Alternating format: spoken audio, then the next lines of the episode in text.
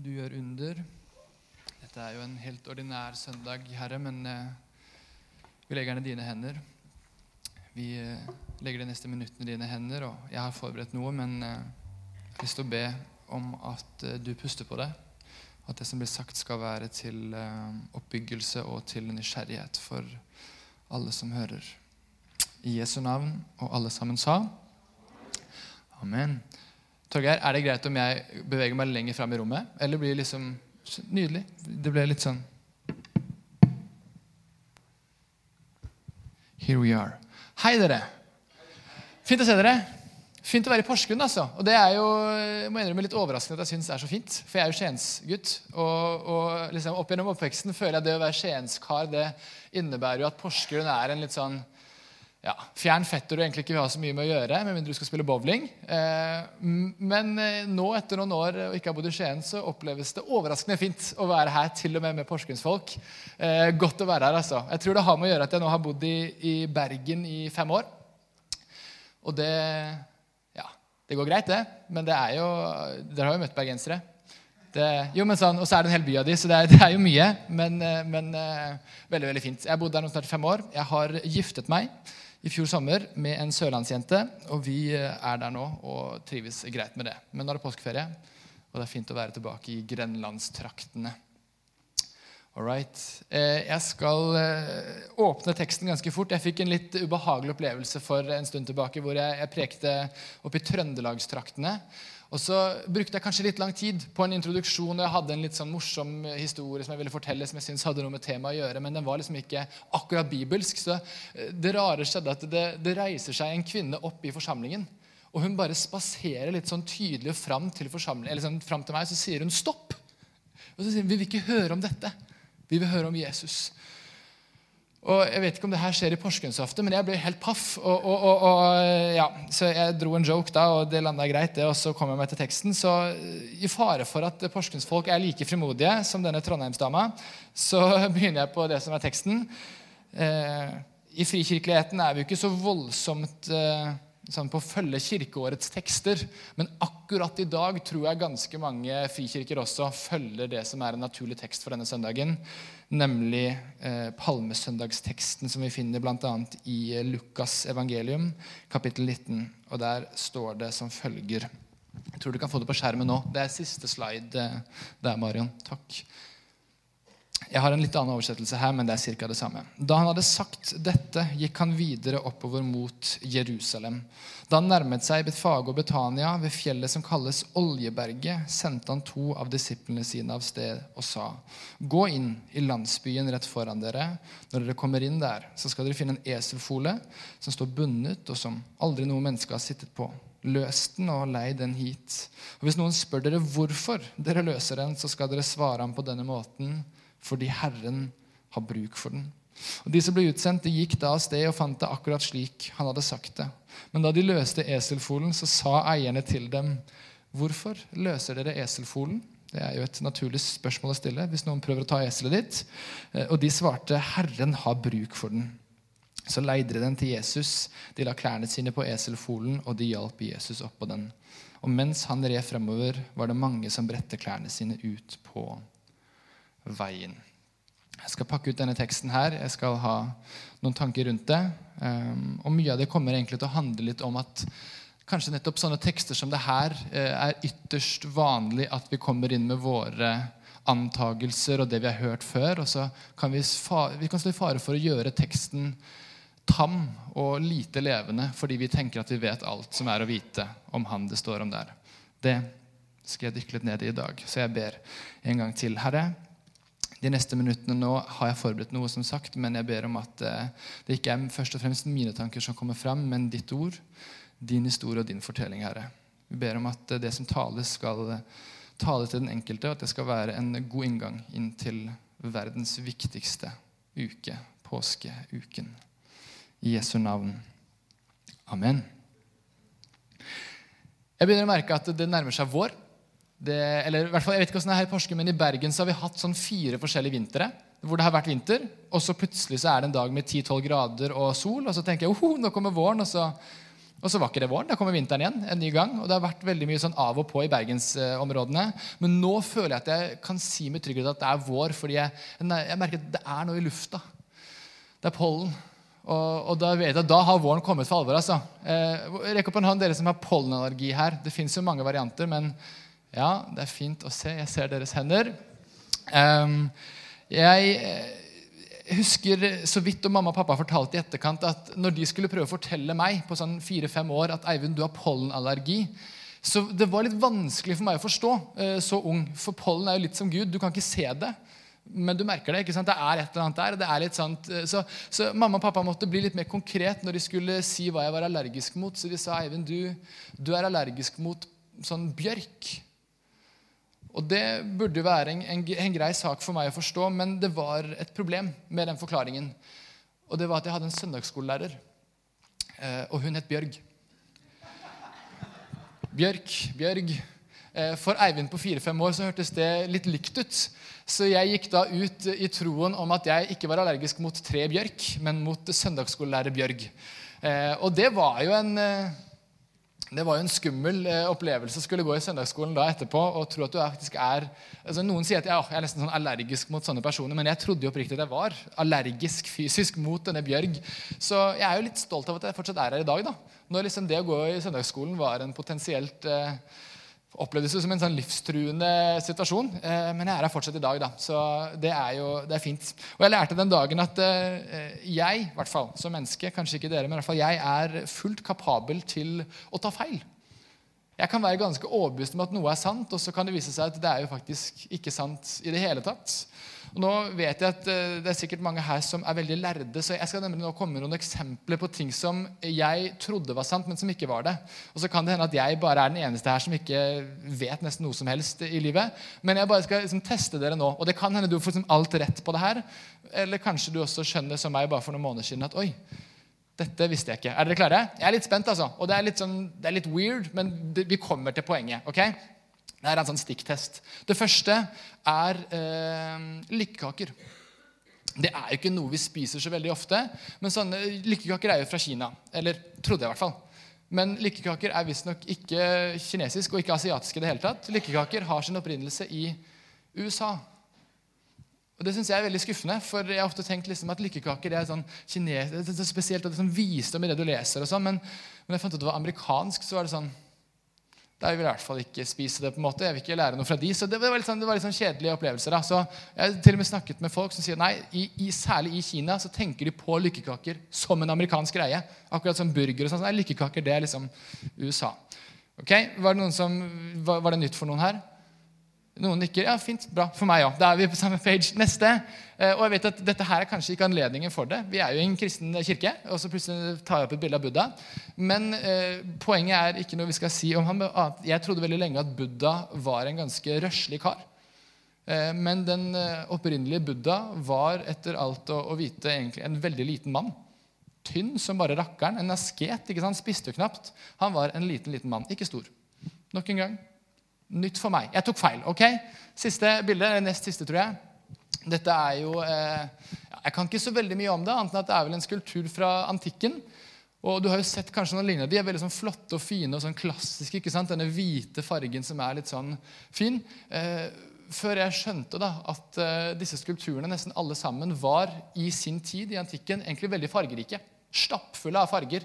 Men de fargene de brukte da, de er ikke så gode på å holde fargen. så de har åpenbart eh, falmet over årene. Men når du tenker på at sånn der, der sto det rundt på antikkens tid Nei, de så ut som klovner nesten fulle av farger. Var det nytt for noen? I så fall kan du ja, Det er ikke for alle, men for noen. Fint. Og den siste er jo aktuell. Den her er jo betent, altså. Dette skal være, tror jeg, de tre vise menn. Uh, og hvis det er noen teologer her, så må dere gjerne liksom utfordre meg til en sånn teologisk duell akkurat nå. Men av det jeg har lest, så er det at vi lander på at det finnes tre vise menn, er egentlig litt spesielt. For det står at det var vise menn, og at det var tre gaver. Men vi har ikke sånn kjempegod grunn ifølge mange teologer, til at det var akkurat tre vise menn. Det kan ha vært to, det kan ha vært syv, det kan ha vært fem. Og det er noen navn som står der, men vi vet egentlig ikke om det var tre vise menn som kom og besøkte Jesus. Og Hvis noen får liksom troskrise nå, beklager, men, men det er det jeg har hørt. Ok? Var det nytt for noen? Ikke for deg, nei. Men for andre var det kanskje det. For meg var det veldig nytt for bare litt siden. Poenget mitt er at vi mennesker, og jeg kan i hvert fall snakke for min egen del, jeg er kapabel til å ta feil. Jeg kan være ganske, altså Dette her er jo tulleeksempler, men det jeg synes er litt sånn eh, interessant, er at når vi nå skjønner, og jeg skjønner at jeg kan jo ta feil om veldig mange sånne småting, så blir det litt komisk når jeg da føler meg veldig overbevist om hvordan en potensiell skaper av universet fungerer. At når jeg kan ta feil om lykkekaker, er det ikke da også en liten sjanse for at hvis jeg prøver å få hodet mitt rundt hvordan skaperen av universet henger sammen, og hva han mener og sier og gjør, og alt sammen, er det ikke da også mulig å tenke at kanskje jeg kan ta feil om han? Det er mulig. Og om du til og med vokste opp i kirka og vært på søndagsskolen, det kan hende du også fortsatt tar feil om Gud. Og ikke om hans eksistens, men kanskje om litt om hvordan han fungerer.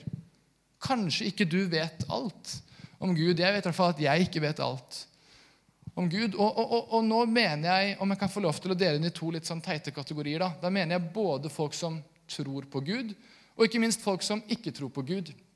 Jeg vet ikke hvordan det er i deres kretser, men Der jeg studerer i Bergen, så har jeg mange studenter som, som ikke tror på Gud.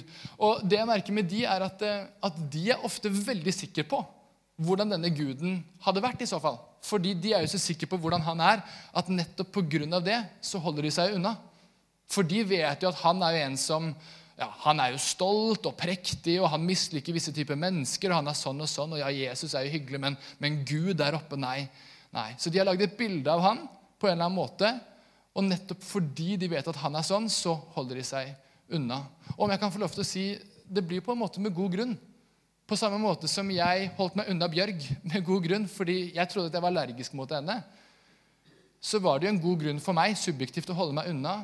Men det var jo basert på en løgn. Det var jo ikke sant, det om Gud. Og på samme måte så, så, må jeg få lov til å si at jeg er jo ikke objektiv her. Jeg står jo ikke i midten av ja, dere som tror på Gud, og dere som ikke tror på Gud. Jeg, jeg tror jo på Gud. Så fra mitt ståsted så føles det jo sånn åh, Om dere bare hadde fått lov til å se kanskje litt mer av hvert fall det jeg opplever at jeg har sett, så tror jeg kanskje dere hadde vurdert å velge om igjen. Og Det er derfor jeg reiser rundt og gjør de greiene her. så det er jo én ting.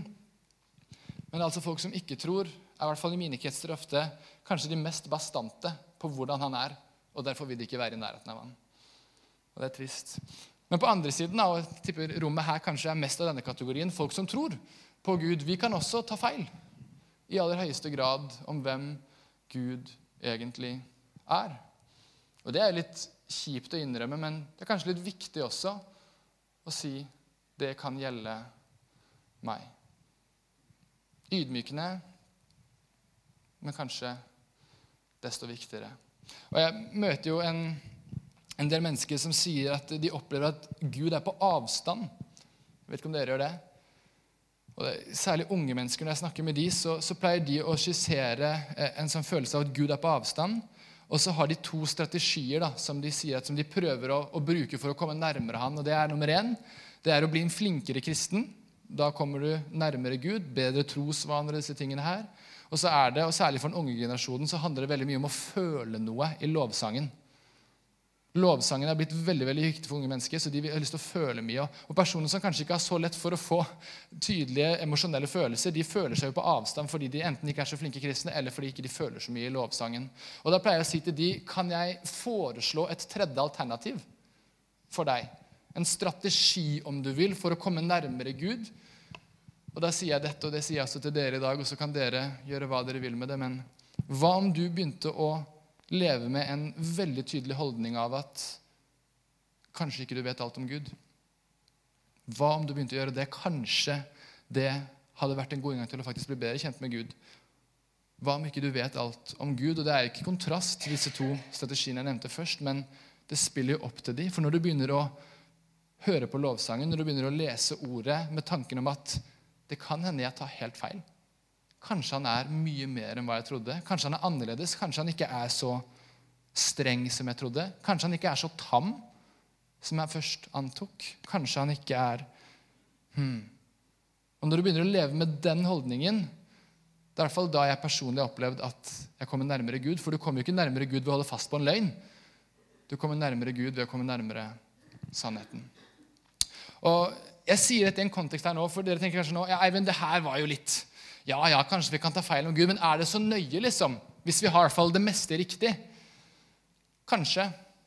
Men vi lever jo i en tid nå, hvis vi skal være ærlige med oss selv, hvor Kirken ikke akkurat er på liksom full fart oppover. I hvert fall ikke i våre vestlige kretser her oppe i Norden, men den er jo heller litt på vei nedover. Og Da er det jo naturlig å både være sulten på og be om en vekkelse, er det noen som sier, eller en fornyelse, eller en reformasjon, om du vil. et eller annet, ikke sant? Vi må gjøre noe nytt, kan jo en del tenke.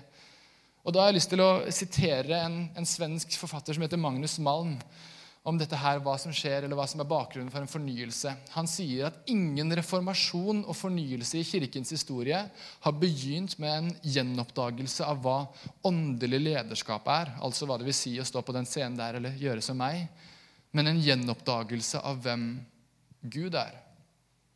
Det er starten på en ny kirke. Det er starten på at mange flere kommer tilbake til kirken. Og hvordan ser det ut? Det skal jeg prøve å forklare, eller i hvert fall gi noen, noen tanker rundt de siste minuttene. Høres det greit ut? Hvordan gjenoppdager vi hvem Gud er? Jeg er jo eh, lærerstudent, faktisk. Jeg har ett år igjen av lærerstudiet. Og så jobber jeg på en, eh, en, skole i Bergen sentrum, og der har vi hatt om noe som heter fake news. Har dere hørt om det? Det er et veldig sånn, mye brukt begrep hvert fall blant de unge for tiden. Fake news, fordi nå er det jo lettere enn noen gang å spre falske nyheter. Det være seg eh, politiske ting eller teite ting eller fun fact som ikke er sant i det hele tatt. Og så er det en ny type fake news som har kommet til det siste. Jeg vet ikke om dere har hørt om det, som heter eh, deepfake. Har dere hørt om det? Mange rare begreper her nå.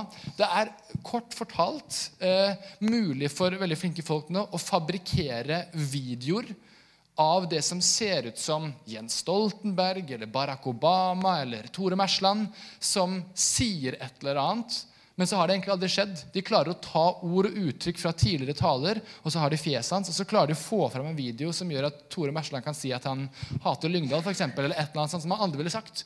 Men likevel så kan sånne videoer fremstå veldig troverdige. da. Så i skolene rundt omkring nå, i Bergen og sikkert Norge for øvrig, så tematiserer de hvordan ungdommene må være litt sånn var for at det finnes mye fake news der ute. Mange feilkilder til kunnskap. Og når jeg forberedte meg til i dag, så kom jeg til å tenke på at vi også har kanskje en del feilkilder til våre gudsbilder. For når vi snakker om å gjenoppdage hvem Gud er, da snakker vi om å gjenoppdage hva er gudsbildet vårt. Hvordan ser vi på Gud? Og der fins det en del feilkilder. Og jeg kommer til å nevne noen nå. Og så høres det her kanskje litt rart ut. Jeg vet ikke hvor vant dere er til det her i deres forsamling, men jeg har blitt minnet om inn mot denne søndagen at jeg skal ikke bruke så voldsomt mye krefter og tid på å snakke rundt alle feilkildene og komme med masse eksempler og sånn. Men jeg har litt tillit til at kanskje Gud ved sin ånd nå kan tale til enkelte her i rommet. At når jeg nesten bare nevner feilkilden, så kan du tenke den der er min. Det der tror jeg er min feilkilde. Jeg vet ikke om dere er vant til det, men, men, jeg kommer bare til å nevne noe nå, så får du se hva som skjer for deg. Men jeg tror kanskje ikke jeg trenger å argumentere så mye før nesten bare polletten faller ned for deg, og du kan tenke det der tror jeg er en feilkilde i mitt liv. Kanskje jeg må tenke på det. Så vi får se hvordan det, hvordan det lander. Den første feilkilden jeg vil at du skal vurdere om kanskje kan være i ditt liv, det er eh, dine foreldre. Eller mer rettere sagt din oppvekst. Og Da mener jeg ikke egentlig først og fremst hva dine foreldre sånn eksplisitt har sagt. At de har sagt at Gud er sånn eller sånn. eller Det kan være mye rett i det. Men det forskerne har funnet ut sånn på disse feltene her, er at det, hvordan vi er oppdratt, har veldig mye å si for hvordan vi ser på Gud. Det vil si at Hvis du er vokst opp med en uh, veldig streng far som har satt høye krav til deg, så er det ganske naturlig og i hvert fall for veldig mange, med mindre du har gått mye runde på det her, at du da også ganske naturlig ser på Gud som en veldig streng Gud som setter høye krav til deg. For det er jo ditt bilde av den som du har forholdt deg til, din autoritetsperson. Og da blir fort Gud sånn også. Eller hvis du er vokst opp med en, en, mor som nærmest har ingen grenser, som sier 'gjør hva du vil', liksom, og lager kake til deg hver dag og 'hallo, kjør på', you do you, så er det også veldig mange som vokser opp med å tenke at Gud er på samme måte. Han må være en som ikke har noen spesielle tanker for hva vi skal gjøre. Han er bare en snill Gud. Love is love, og God is love, og, og hele den pakka der. Eller hvis du er vokst opp med en, en fraværende far som kanskje ikke har vært til stede i oppveksten din, så er det veldig mange av disse personene som opplever at Gud er på distanse. At han er en som trekker seg litt tilbake. Han kan jo ikke være så interessert i meg. Dette er bare noen eksempler på hvordan oppveksten vår kan prege gudsbildet vårt. Og Jeg skal ikke si så mye mer enn at kanskje det er noen som må ta med det her videre. Kanskje det fins en bedre kilde til hvem Gud faktisk er. Nummer to er eh, en annen feilkilde er andre kristne. Det er litt kjipt, men det er jo sant. og, og skal, Det blir litt ironisk, da, men kanskje særlig sånne som meg, som står med mikken i hånda og prøver å fortelle dere hva jeg tenker om Gud. Jeg er jo en potensiell feilkilde.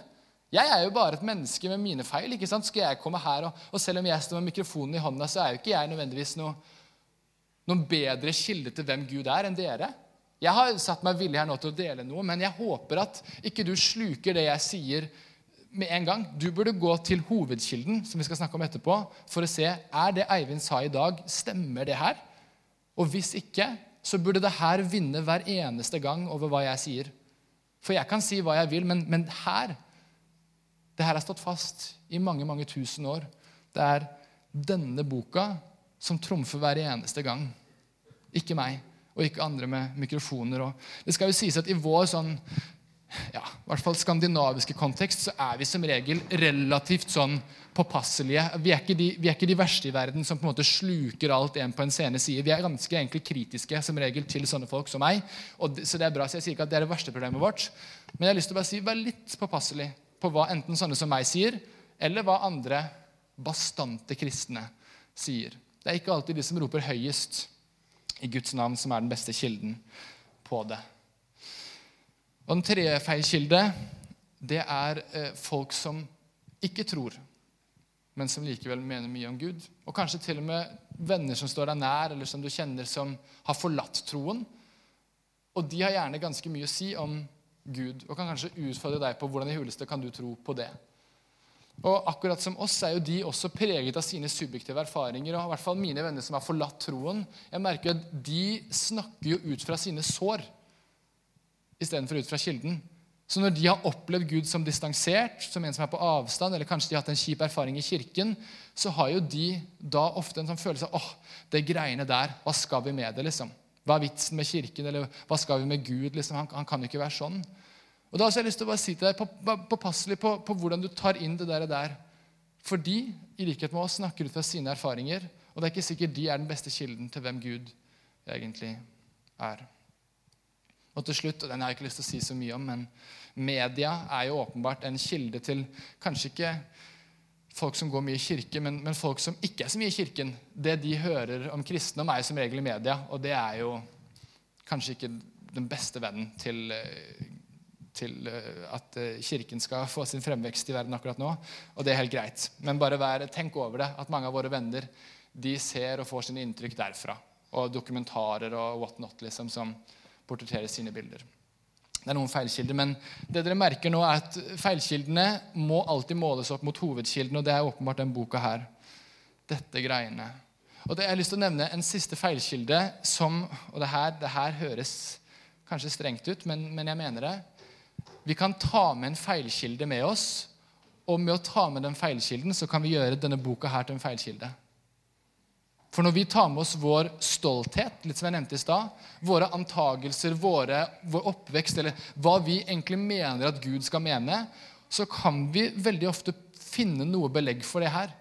Jeg kan ta med og tenke at Gud er sånn og sånn, og så leser jeg teksten, så leter jeg nærmest etter å finne det jeg vil lete etter. Gir det mening? Det her er veldig menneskelig. Vi har ikke lyst til å bli utfordret på hvordan vi ser verden, så vi tar heller med det vi ser om verden, og prøver å finne for det her. Så kan vi plukke noen bibelvers og si ja, men sånn er det jo, sånn er det. Og Det er derfor du har så mange teologiske diskusjoner. Fordi folk kan jo mene veldig mye basert på hva som står her.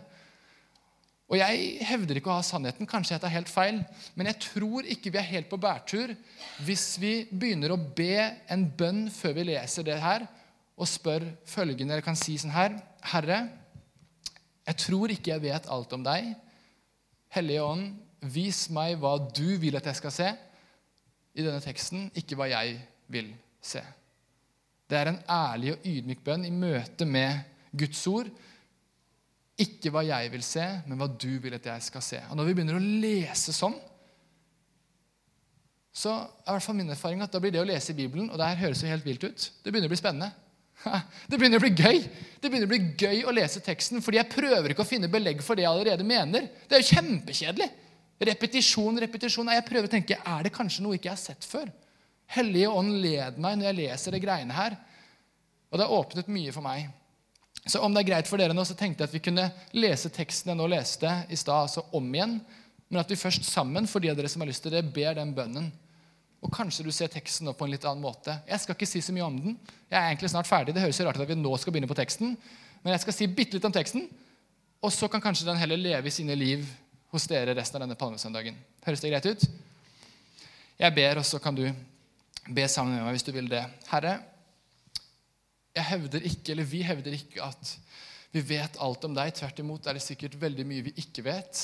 Og nå ber vi at du ved din ånd viser oss i denne teksten her ikke hva vi har lyst til å se, eller hva vi har lyst til å få bekrefta, men hva du har lyst til å si til oss. Om det så er på tvers av hva vi egentlig først tenkte. Og jeg har planlagt en tanke, men jeg ber om at hvis den skal vike, og heller noe annet enn teksten her skal komme fram for folk i forsamlingen, så skal det være det som bærer til slutt. Det som du vil. I Jesu navn. Amen. Jeg leser igjen, jeg. Da han hadde sagt dette, altså Jesus, så gikk han videre oppover mot Jerusalem. Da han nærmet seg Betfage og Betania, ved fjellet som kalles Oljeberget, så sendte han to av disiplene sine av sted og sa, Gå inn i landsbyen rett foran dere, og når dere kommer inn der, så skal dere finne en eselfole som står bundet, og som aldri noe menneske har sittet på. Løs den og, og lei den hit. Og Hvis noen spør dere hvorfor dere løser den, så skal dere svare ham på denne måten fordi Herren har bruk for den. Og De som ble utsendt, gikk da av sted og fant det akkurat slik han hadde sagt dem. Men da de løste eselfolen, sa eierne til dem, 'Hvorfor løser dere eselfolen?' Og de svarte, 'Herren har bruk for den.' Så leide de den til Jesus. De la klærne sine på eselfolen, og de hjalp Jesus opp på den. Og mens han red fremover, så var det mange som bredte klærne sine ut på veien. Og Det er også en, en del videre her dere kan lese selv når dere kommer hjem. Jesus på esel. Jeg har med et bilde også, faktisk. Det er jo et sånt søndagsskolebilde, da, men det er jo ja, i hvert fall et bilde av hvordan det kan ha sett ut. Og jeg vet ikke hvordan det var med din søndagsskole, men jeg vokste opp med å høre hvordan eh, Jesus nøyde seg med eselet. Han trengte ikke en hest eller en privatjet. Han kunne, han kunne være på et esel. han. Og, og, så merket jeg, og det høres kanskje rart ut, kanskje det er åpenbart for noen her, men det, det er senest bare for noen uker siden at jeg så at Jesus nøyde seg ikke med et esel. Han valgte det. Han sier jo bevisst til disiplene 'gå og finn et esel'. Han sier ikke 'gå og finn noe', og så, så kommer han fram og så sier han, 'oi, det var et esel'. Nei, men det går sikkert fint. Han sier 'gå og finn et esel'. Kanskje jeg drar teksten for langt her nå, men jeg opplever at at kanskje det kan si noe om også hvordan Gud forholder seg til et skaperverk. At Gud nøyer seg ikke med det ufullkomne. Eselet blir jo et bilde på det ufullkomne. Han velger det. Det er ikke sånn at Gud tenkte sånn, åh, jeg skulle ønske at Porsgrunn misjonskirke var liksom sånn «Øh, Men jeg får nøye meg med dem. liksom. Ja, ja, jeg tåler de. Nei, han velger dere. Han velger det ufullkomne. Og Eselet var jo bl.a. en del av en profeti. så Det skal også sies, det var jo skrevet i Det gamle testamentet om at det skulle komme en befrier og en konge på et esel. Men jeg tror det er en profeti nettopp fordi Gud vil si at jeg velger det ufullkomne. Det er en del av hvordan min frihet skal få lov til å komme fram i denne verden. Jeg nøyer meg ikke med et esel. Jeg velger det. Gud nøyer seg ikke med deg og håper at du er en eller annen sånn aksje som skal stige i kurs etter hvert, at du skal bli liksom en hest til slutt. Han velger det ufullkomne. Det har han alltid gjort. Han nøyer seg ikke med det. Det er hvordan jeg fikk en åpenbaring av denne teksten her for noen uker siden. Jeg vet ikke om det er noe du får, men du får se på det selv når du går tilbake i, i teksten. Jeg kan i hvert fall ha perioder, og Når det her ble tydelig for meg, så, så hadde jeg kanskje perioder hvor jeg var litt sånn åh, Er Gud så stolt som de vennene mine sier. Er han litt prektig? Det er jo belegg for det i Bibelen nå. Og så kom jeg fram til vet du hva? Jeg tror kanskje ikke det i hvert fall er det hele bildet av Gud. I så fall så begynner jeg å lene meg bare på feilkildene. og Så kommer jeg tilbake til hovedkilden og, og leser den teksten her med den bønnen. Herre, vis meg hva du vil at jeg skal se. Og så er det som at, at Gud og Jesus og Den hellige ånd blir tydeligere for meg klarner opp, og feilkildene blir sånn avslørt. Du kan bare merke det. at Når du dykker ned, så er det sånn Å nei, men det er jo det, ja. Og det er jo ikke fra Bibelen. Og så kan du bare liksom dytte det vekk, og så blir det et sånn klarere bilde her av hva som egentlig kanskje er sant. Og da begynner ofte det for meg å bli tydelig at, at jeg ser noe ved meg selv òg som kanskje ikke jeg har sett før. Og i dag så er jo det 'jeg velger deg'. Men av og til må jeg bare advare dere om at det er ikke alltid det å lese teksten på den måten her er så veldig behagelig. Av og til gjør det vondt. Når du møter sannheten sånn, når han sier ting om deg, så er ikke det alltid 'jeg velger deg'. Noen ganger er det 'du har synd i ditt liv' som du må ta oppgjør med. Andre ganger er det 'Eivind, du har egoisme som du må legge vekk'. 'Eivind, du har skjulte motiver som ikke du sier uttalt, men som jeg vet du har der. Legg det vekk'. Det å møte teksten og Gud på den måten her er ikke alltid behagelig. Men jeg kommer i hvert fall nærmere sannheten. Og det er sannheten som visstnok skal sette oss fri. Lovsangsbandet kan eh, komme opp hvis dere har noe vi skal synge. Så fikk jeg beskjed om å, å si at uh, i hjørnet der borte så er det en, uh, en, bønnekrok. Der kan du gå og bli bedt for hvis du har behov for det. Kanskje om noe som har blitt snakket om i dag, eller noe du kom til gudstjenesten med. Der er det en lysglobe, og det er også bønnelapper du kan skrive.